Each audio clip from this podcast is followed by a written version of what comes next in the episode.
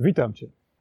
Wiele jest takich historii o księżach, którzy nagle podczas odprawiania mszy świętej zostali ukąszeni zwątpieniem, że to się dzieje naprawdę, że tu rzeczywiście podczas tego e, misterium, jak mówimy o mszy świętej, czy jakiejś tajemnicy, że to naprawdę e, chleb staje się ciałem Jezusa że to wino staje się jego krwią.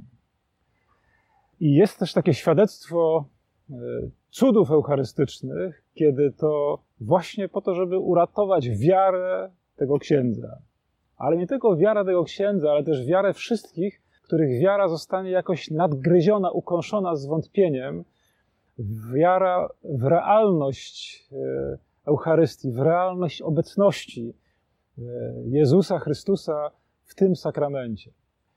I nagle podczas właśnie tych tak zwanych cudów eucharystycznych e, potrafiło tak się zadziać, że w sposób również zmysłowy, mało tego, weryfikowalny już dużo później poprzez e, badania, okazywało się, że nagle rzeczywiście w kielichu jest krew, że rzeczywiście nagle hostia jest realnym ciałem, rozpoznawalnym również dla zmysłów.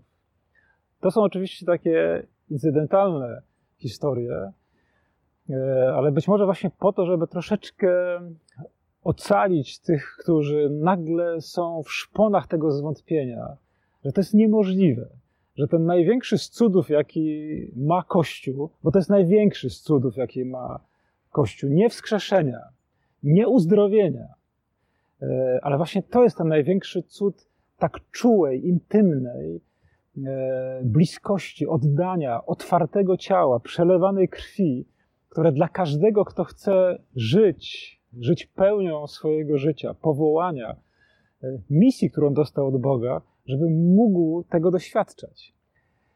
O tym zwątpieniu mówi Ewangelia.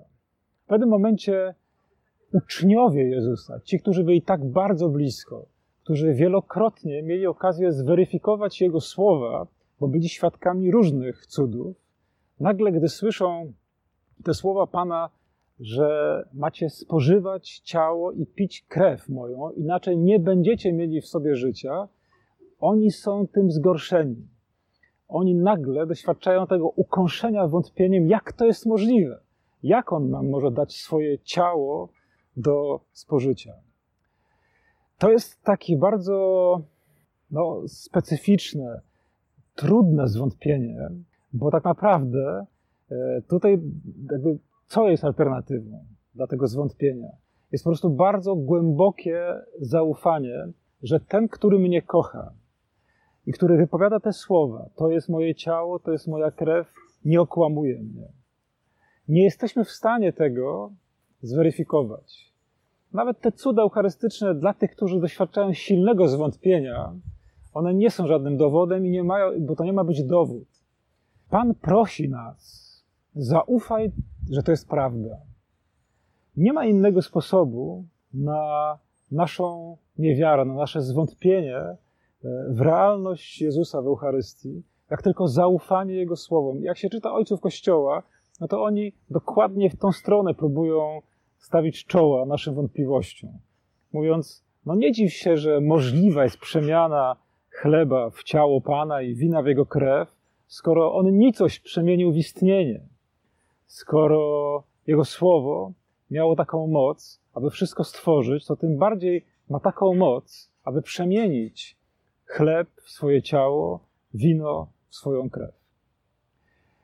Jest też druga prawda, prawda wiary, wobec której strasznie łatwo jest być ukąszonym zwątpieniem, dlatego że nieustannie obcujemy ze śmiercią.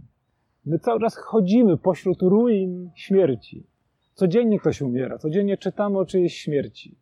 Codziennie e, z nią prawie że obcujemy w taki czy inny sposób. I teraz nagle słyszymy o tym, że Jezus Chrystus zmartwychwstał.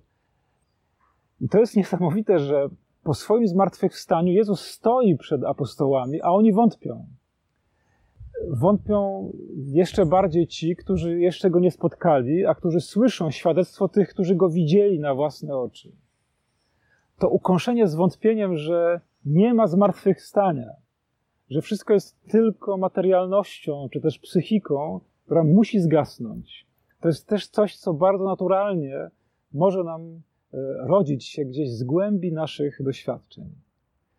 Jezus z wielką łagodnością przyjmuje e, to wątpienie uczniów, wątpienie apostołów, którzy patrzą na zmartwychwstałego i nie wierzą, że to jest On. Tym samym nie wierzą, że zmartwychwstanie stanie się ich udziałem. To jest głębokie zwątpienie, które dla nas, zjadaczy, codziennych zjadaczy prawdy o śmierci, e, jest czymś, co bardzo łatwo może wypełznąć gdzieś z naszej e, podświadomości, z naszych emocji. Jezus mówi: ufajcie.